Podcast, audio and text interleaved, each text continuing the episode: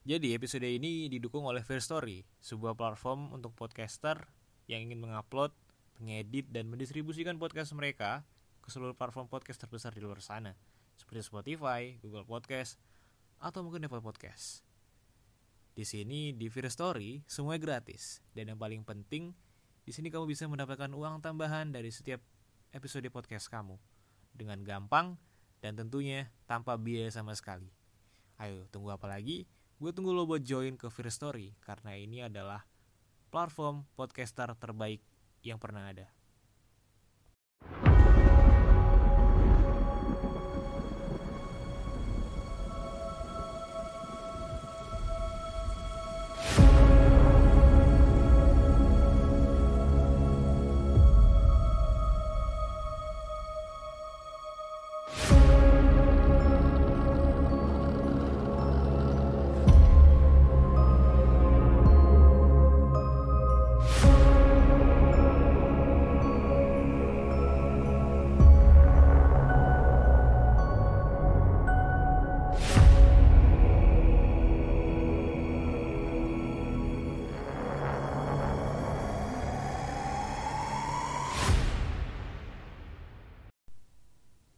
Halo semuanya.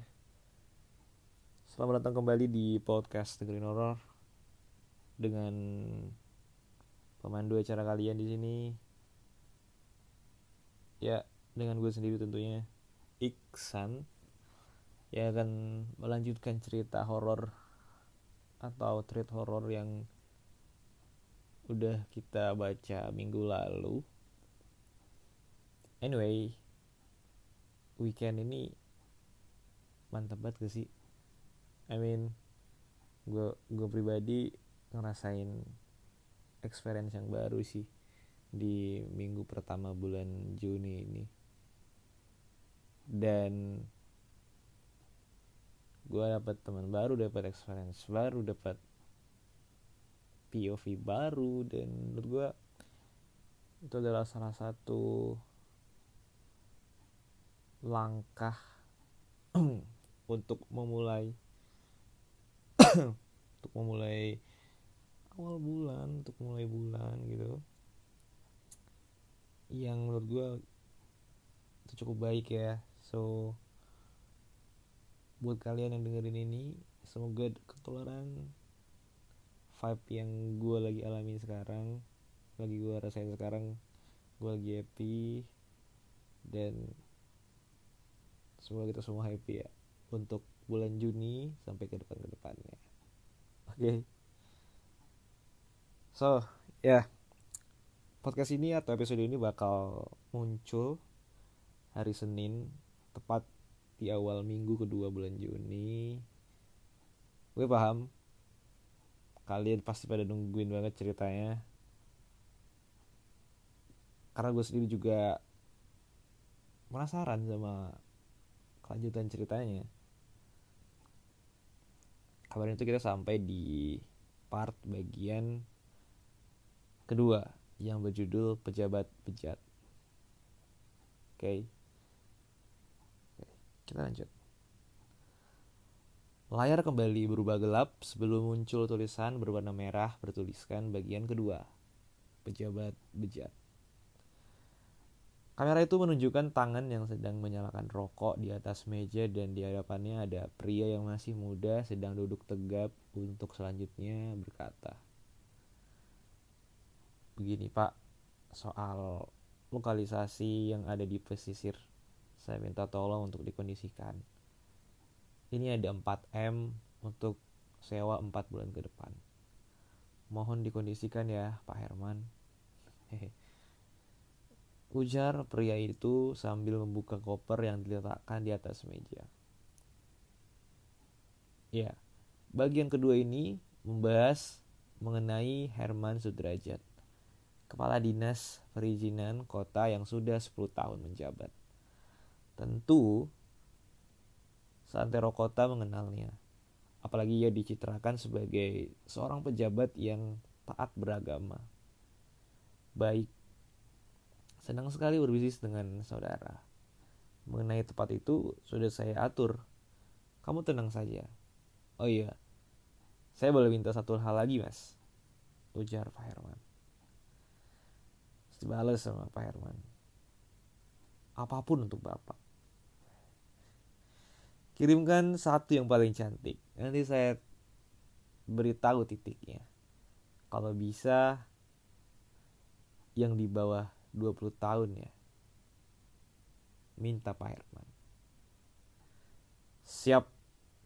Segera saya siapkan pesanannya pak. Izin saya langsung pamit pak. Mari. Kemudian pria itu langsung bangun lalu pergi menuju pintu keluar. Film itu kembali terjeda. Mungkin sang narator sudah tahu apa yang akan terjadi selanjutnya.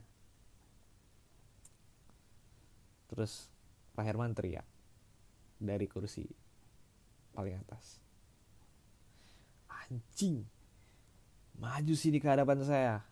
Jangan cuma suara doang lo. Saya sembelih. Kamu sekarang juga. Kaget Pak Herman. Dia teriak dari kursi penonton.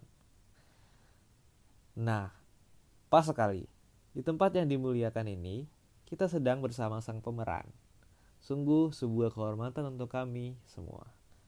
Kita sambut Bapak Herman. Ucap narator dengan bersemangat. Ini semua cuma omong kosong. Saya minta kepada semua yang ada di sini untuk jangan percaya. Pecundang yang barusan bicara tadi hanya sedang mencari sensasi. Bela Pak Herman. Aduh Pak Herman, gua kira lo beneran agamawan. Taunya kelakuan lo macam hewan. Ucap Adri yang tiba-tiba bersaudara, tiba-tiba bersuara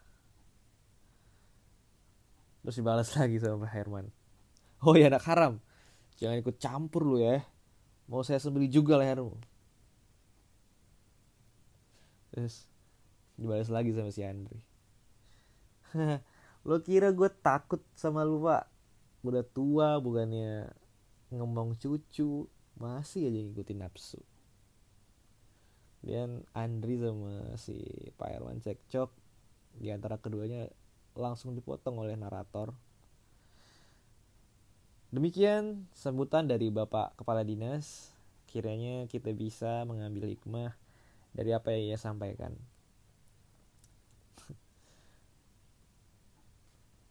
Oi bajingan, keluar sini datang ke hadapan saya. Setelah film ini selesai, anak buah saya pasti akan cari kamu ke mana pun ucap Herman sambil menantang kembali narator. Gertakan itu tampaknya tak digubris oleh narator karena tiba-tiba layar kembali gelap dan memunculkan tulisan bagian ketiga kisah kelam Romeo dan Juliet. Semua tak terkecuali Pak Herman kembali fokus ke layar sambil menerka dengan adegan selanjutnya. Fan, cowok lo bakal tahu nggak? Terlihat seseorang lelaki yang muncul di layar. Jelas saja, korban berikutnya dari film ini adalah Fanny, kekasih dari Freddy. Santai Don, cowok gue goblok kok. Dia cuma jadi ladang duit gue. Manusia satu itu nurut sama gue ujar Fanny oke deh. Jadi kapan lo mau kasih gue mobil? Ucap Doni yang belakangan disadari penonton sebagai selingkuhannya si Fanny Fanny segera menyelah nanti nanti dulu ya beb gue perlu ngerayu si Freddy nih. Dikit lagi. Tiap gue ketemu dia gue selalu bahas tentang nikah. Nikah nikah dah nikah. Oh kalian jadi mau nikah? Emang lo mau punya suami macam dia? Ucap Doni. Ya jelas gak sudi lah. Mana mau gue nikah sama manusia macam dia yang cengeng goblok jelek pula gue cuma pengen nguras duitnya doang. Coba ini wah parah loh. Mainin pasar mainin perasaan orang. Ujar Dodi ya gimana ya? Orang dia juga cuma butuh badan gue doang. Bukan diri gue. Mending gue nikah sama lo. Iya gak kayak jawab mendengar percakapan itu dari semua penonton jelas Freddy yang paling murka dan kecewa. Melihat momen yang tepat narator langsung menjeda film itu. Sayang maafin aku. Aku mohon aku bercanda kok bilang begitu. Ujar Fanny yang mulai terbata-bata berbicara kepada Freddy di sampingnya. Sang kekasih tentu tak tinggal diam. Segera melepas murkanya. Dasar cewek murah. Lima tahun kita bareng fan udah berapa lama lo begini? Jawab nggak usah lagi lo ngelak ya. Gue lebih percaya film gratisan yang kurang dari sejam ini ditonton ketimbang sama lo yang udah bertahun-tahun gue kenal. Satu hal lagi yang bisa gue pastiin. Setelah film ini selesai lo mati. Bentak Freddy sambil menangis. Maafin gue sayang. Gue mohon. Fanny minta maaf sama Freddy. Ya gue maafin lo syaratnya cuma satu lo mati dan gue yang bakal lakuin sendiri sehabis lo mati nggak akan ada satupun di dunia ini yang bakal tahu mayat lo di mana ujar Freddy yang bernada murka. Narator kembali muncul. Inilah kisah Romeo Juliet abad ini. Menyisakan kepedihan yang mendalam. Lagi dan lagi Romeo yang tersakiti bukan karena menelan racun, melainkan karena udah melainkan karena ulah Fanny yang mematikan bagaikan racun. Aku sangat menikmati adegan ini. Cerita tentang cinta yang fana dan nihilistik. Tapi walau bagaimanapun, hanya mabuk cinta, mabuk yang tak diharamkan. Sebagai penutup dari bagian ketiga ini, akan kubacakan kutipan William Shakespeare dalam bukunya Romeo and Juliet. Cinta adalah berat dan ringan terang dan gelap, panas dan dingin, sakit dan senang, terbangun dan terjaga. Cinta adalah semuanya, kecuali apa arti dia yang sesungguhnya. Demikian pernyataan sang narator seraya membuat layar kembali gelap. Penonton kembali terdiam sembari diselimuti rasa penasaran soal siapa korban berikutnya dalam film ini sudah jelas di pikiran Andri, Alfian, dan Aji. Kali ini selanjutnya pasti mereka. Ketiganya kini keringat dingin dan bersikap dingin. Layar kembali menunjukkan tulisan berwarna merah darah dengan tulisan bagian keempat. Aksi biadab dari kaum beradab. Selamat datang di bagian berikutnya. Sebagai pembuka, kita perlu memahami, memahami bahwa tak semua kaum berpendidikan mempunyai rasa kemanusiaan. Aku akan membuktikan pernyataanku barusan. Bukan lewat ucapan, melainkan lewat dengan adegan yang selanjutnya akan kalian saksikan tutup sang narator sebelum layar kembali bersinar memperlihatkan tiga orang pemuda sedang berada di suatu hutan. Tersorot kamera dua orang pemuda yang sedang menyiksa seseorang yang sudah dipenuhi darah. Kemudian pada layar terlihat tangan yang sedang memegang tongkat bisbol. Seketika dihantamkan tongkat bisbol yang dipegang ke atas kepala orang yang berlumur darah itu dengan sangat keras. Tongkat bisbol itu bahkan sampai patah. Demikian orang yang dihantam benda tumpul itu memuncat memuncratkan banyak darah. Touchdown. Gokil laundry. Ujar seseorang yang sudah barang tentu adalah Aji. Yoi. Udah nih. Mau urusin Al. Ujar Andri kepada Alfian. Tar dulu Andri. Mau kita buang ke mana nih? Tanya Alfian. Andai dengan solutifnya Andri dengan solutifnya menjawab Gak usah ribet Kita masukin sekarang ke mobil terus langsung ke pantai di sana kita cari kayu terus bakar dia hitung-hitung sekalian buat bakar ikan gimana cocok dari udah al. Ayo kita masukin ke mobil. Mumpung masih jam 10 sekalian kita cari kayu di sini. Terus masukin ke mobil. Paling sejam udah sampai. Enak banget nih pasti tengah malam. Lihat laut sambil bakar ikan. Habis itu kita ngeganja. Jawab Aji. Ketika pemuda itu segera beranjak membersihkan TKP dengan peralatan yang telah disiapkan lalu saat layar menyorot ke arah mayat film tersebut langsung terjeda Narator kembali memandu penonton yang masih ketakutan dengan kata-katanya. Kiranya begitu pembuktianku. Ketiga mahasiswa yang sekarang ada di duduk di bangku itu tak lain adalah para pelaku.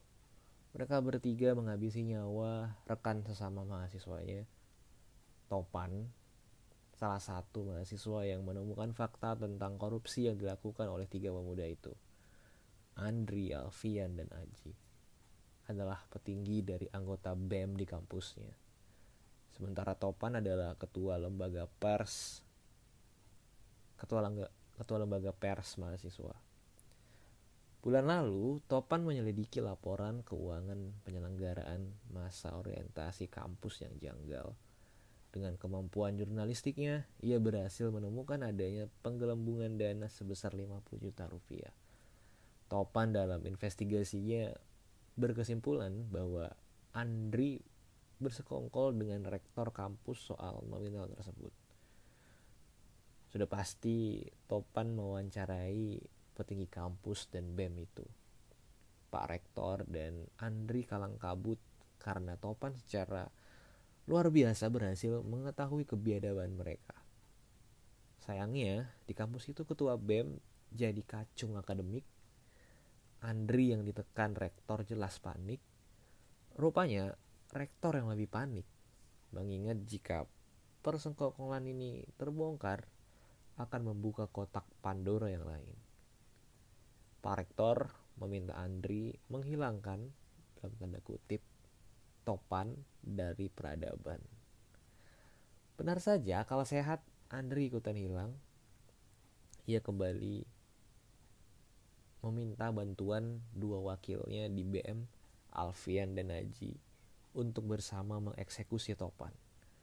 Peristiwa penyiksaan dan pembakaran Topan pun tak diketahui. Kedua orang tua Topan bahkan menganggap anaknya hilang begitu aja.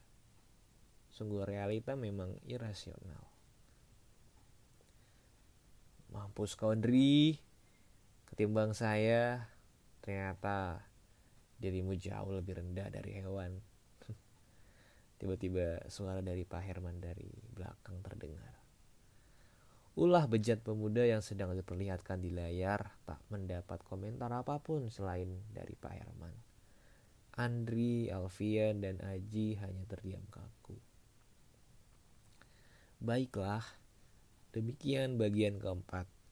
Rasanya tak perlu berlama-lama untuk membuktikan kejahatan dari para mahasiswa ini. Selanjutnya kita akan masuk ke adegan penutup dari film ini. Ujar narator. Layar kembali gelap, lalu kini muncul tulisan berjudul bagian kelima. Aku pengawas. Adegan berpindah, memperlihatkan seseorang yang menggunakan topeng sedang berdiri di belakang loket yang kemudian segera diketahui adalah loket bioskop memoir. Orang bertopet itu, orang bertopeng itu hanya terdiam selama beberapa saat. Kemudian dilepaskan topeng itu dari wajahnya, maka semua penonton langsung mengetahui orang itu. Dialah Supri, si petugas loket bioskop. Selamat datang di bioskop memoir. Malam ini mau nonton apa? Ujar Supri. Selanjutnya Supri akan berdiri, berpidato dengan cukup panjang. Ya, akulah sang pengawas itu yang merancang ini khusus untuk kalian para manusia yang menjadi bajingan dengan caranya masing-masing. Pertama-tama, aku akan memberitahu bahwa ini adalah siaran langsung. Kedua, aku melumpuhkan tubuh kalian semua untuk sementara. Termasuk sebagai tambahan, sekarang ini kalian tidak bisa bicara dan hanya dapat menggerakkan mata kalian. Aku tidak suka di salah saat bicara. Ibuku bilang itu tidak sopan. Jadi mohon maaf soal itu. Terlebih, tujuan sesungguhnya aku tak ingin ada pembantaian di teater ini. Karena aku tahu jika tubuh kalian gak aku lumpuhkan, kalian jelas akan langsung saling melukai atau bahkan saling membunuh satu sama lain. Bukankah itu kak kebiasaan kalian, wahai anak Adam? Oh iya, tentu kalian bertanya tujuanku. Tenang aja, aku gak akan membunuh bahkan sampai film ini selesai. Lagi pula aku ditugaskan bukan untuk mencabut nyawa. Aku hanya ingin memperlihatkan segala dosa yang telah kalian perbuat bahwa tindakan kalian sangat menjijikkan. Semua ini tak lain karena kalian yang mengusikku lebih dulu. Pak Herman, lima tahun lalu kau menghabisi seorang demonstran yang menolak penggusuran kampung kumuh untuk pembangunan hotel mewah demonstran itu adalah ayahku. Kau jelas salah menghilangkan nyawa orang lain dengan sadis. Tetapi sekarang aku akan segera beralih ke keluarga Pak Dodi. Sepasang suami istri yang pernah menabrak ibuku dengan mobil hingga lumpuh tanpa pernah sudi tanggung jawab. Kalian pikir nggak tahu? Setelah ibuku lumpuh, ekonomi keluargaku juga ikutan lumpuh. Tapi ya udahlah, selanjutnya kalian berdua Freddy dan Fanny. Kalian selalu membuliku sepanjang waktu. Bahkan sejak kita pernah satu kelas di sekolah dasar hingga aku bertumbuh besar, ini yang paling aku tunggu-tunggu.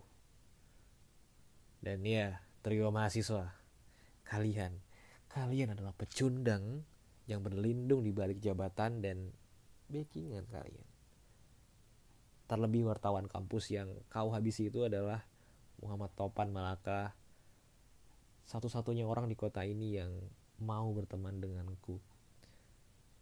Meski kami berbeda nasib, meski aku tak kuliah, meski aku dan dia seumuran, Papan adalah orang yang selalu baik dan mengajarkan banyak hal padaku. Sungguh, itu adalah kehilangan besar setelah kematian ayahku. Tapi ya udah, aku di sini hanya sedang mengeluh, bukan hendak membunuh. Meski aku hanya lulusan SD, aku dapat membedakan mana yang buruk dan mana yang baik. Dan mana yang munafik. Kalau bukan karena titah sang guru, aku tak akan bersusah payah mengumpulkan kalian di sini. Aku maafkan semua kesalahan yang kalian perbuat kepada malaikat-malaikatku. Sama halnya jika ayahku dan Topan masih hidup, mereka tentu akan lebih jauh lebih mudah memanfaatkan kalian. Ah, sudahlah. Aku gak mau berlama-lama di dunia ini. Mulai detik ini, kalian dapat melanjutkan hidup masing-masing. Tebuslah apa pun yang dapat kalian tebus. kembalilah pada kebaikan yang dulu pernah kalian miliki. Aku Supri, pamit undur diri dan terima kasih telah menonton dan terima kasih telah mengunjungi bioskop memoir. Sampai jumpa di masa nanti. Kemudian layar kembali gelap. Seketika seluruh tubuh para penonton kembali dapat digerakkan. Akan tetapi, nggak ada semenit mereka kemudian langsung pingsan. Tiba-tiba para penonton terbangun saat lampu teater satu dinyalakan dan tentu semuanya terkejut melihat isi ruangan itu tampak berantakan tak terurus, seolah sudah tak terbengkalai. Seolah sudah lama terbengkalai. Seketika ke sepuluh penonton film sang pengawas itu berlarian ke arah pintu keluar mereka sampai ke lobi dan lagi-lagi dikejutkan oleh seisi ruangan yang sudah hancur, kotor dan bau seperti bekas terbakar. Hingga saat menuju pintu keluar bioskop, mereka sadar bangunan itu tampak seperti sudah lama tak beroperasi. Lalu muncul dua satpam salah satu bank yang berjarak dua bangunan dari bioskop. Selamat malam, Mohon maaf, ini kalian semua rame-rame habis ngapain ya keluar dari bioskop ini? Loh, Bapak gimana? Kalau keluar dari bioskop, tandanya ya kami habis nonton film dong, Pak. Bentak Pak Herman. Kemudian kedua satpam itu saling bertatapan keheranan. Seorangnya di antaranya bertanya, Mohon maaf Pak, nonton film. Bapak nggak salah. Iya, kami habis nonton film judulnya Sang Pengawas. Jawab Pak Herman. Aduh, gimana ya Pak? Saya bingung jelasinnya. Ujar satpam itu. Terus Pak Herman membentak mereka. Heh, coba ngomong yang bener ya.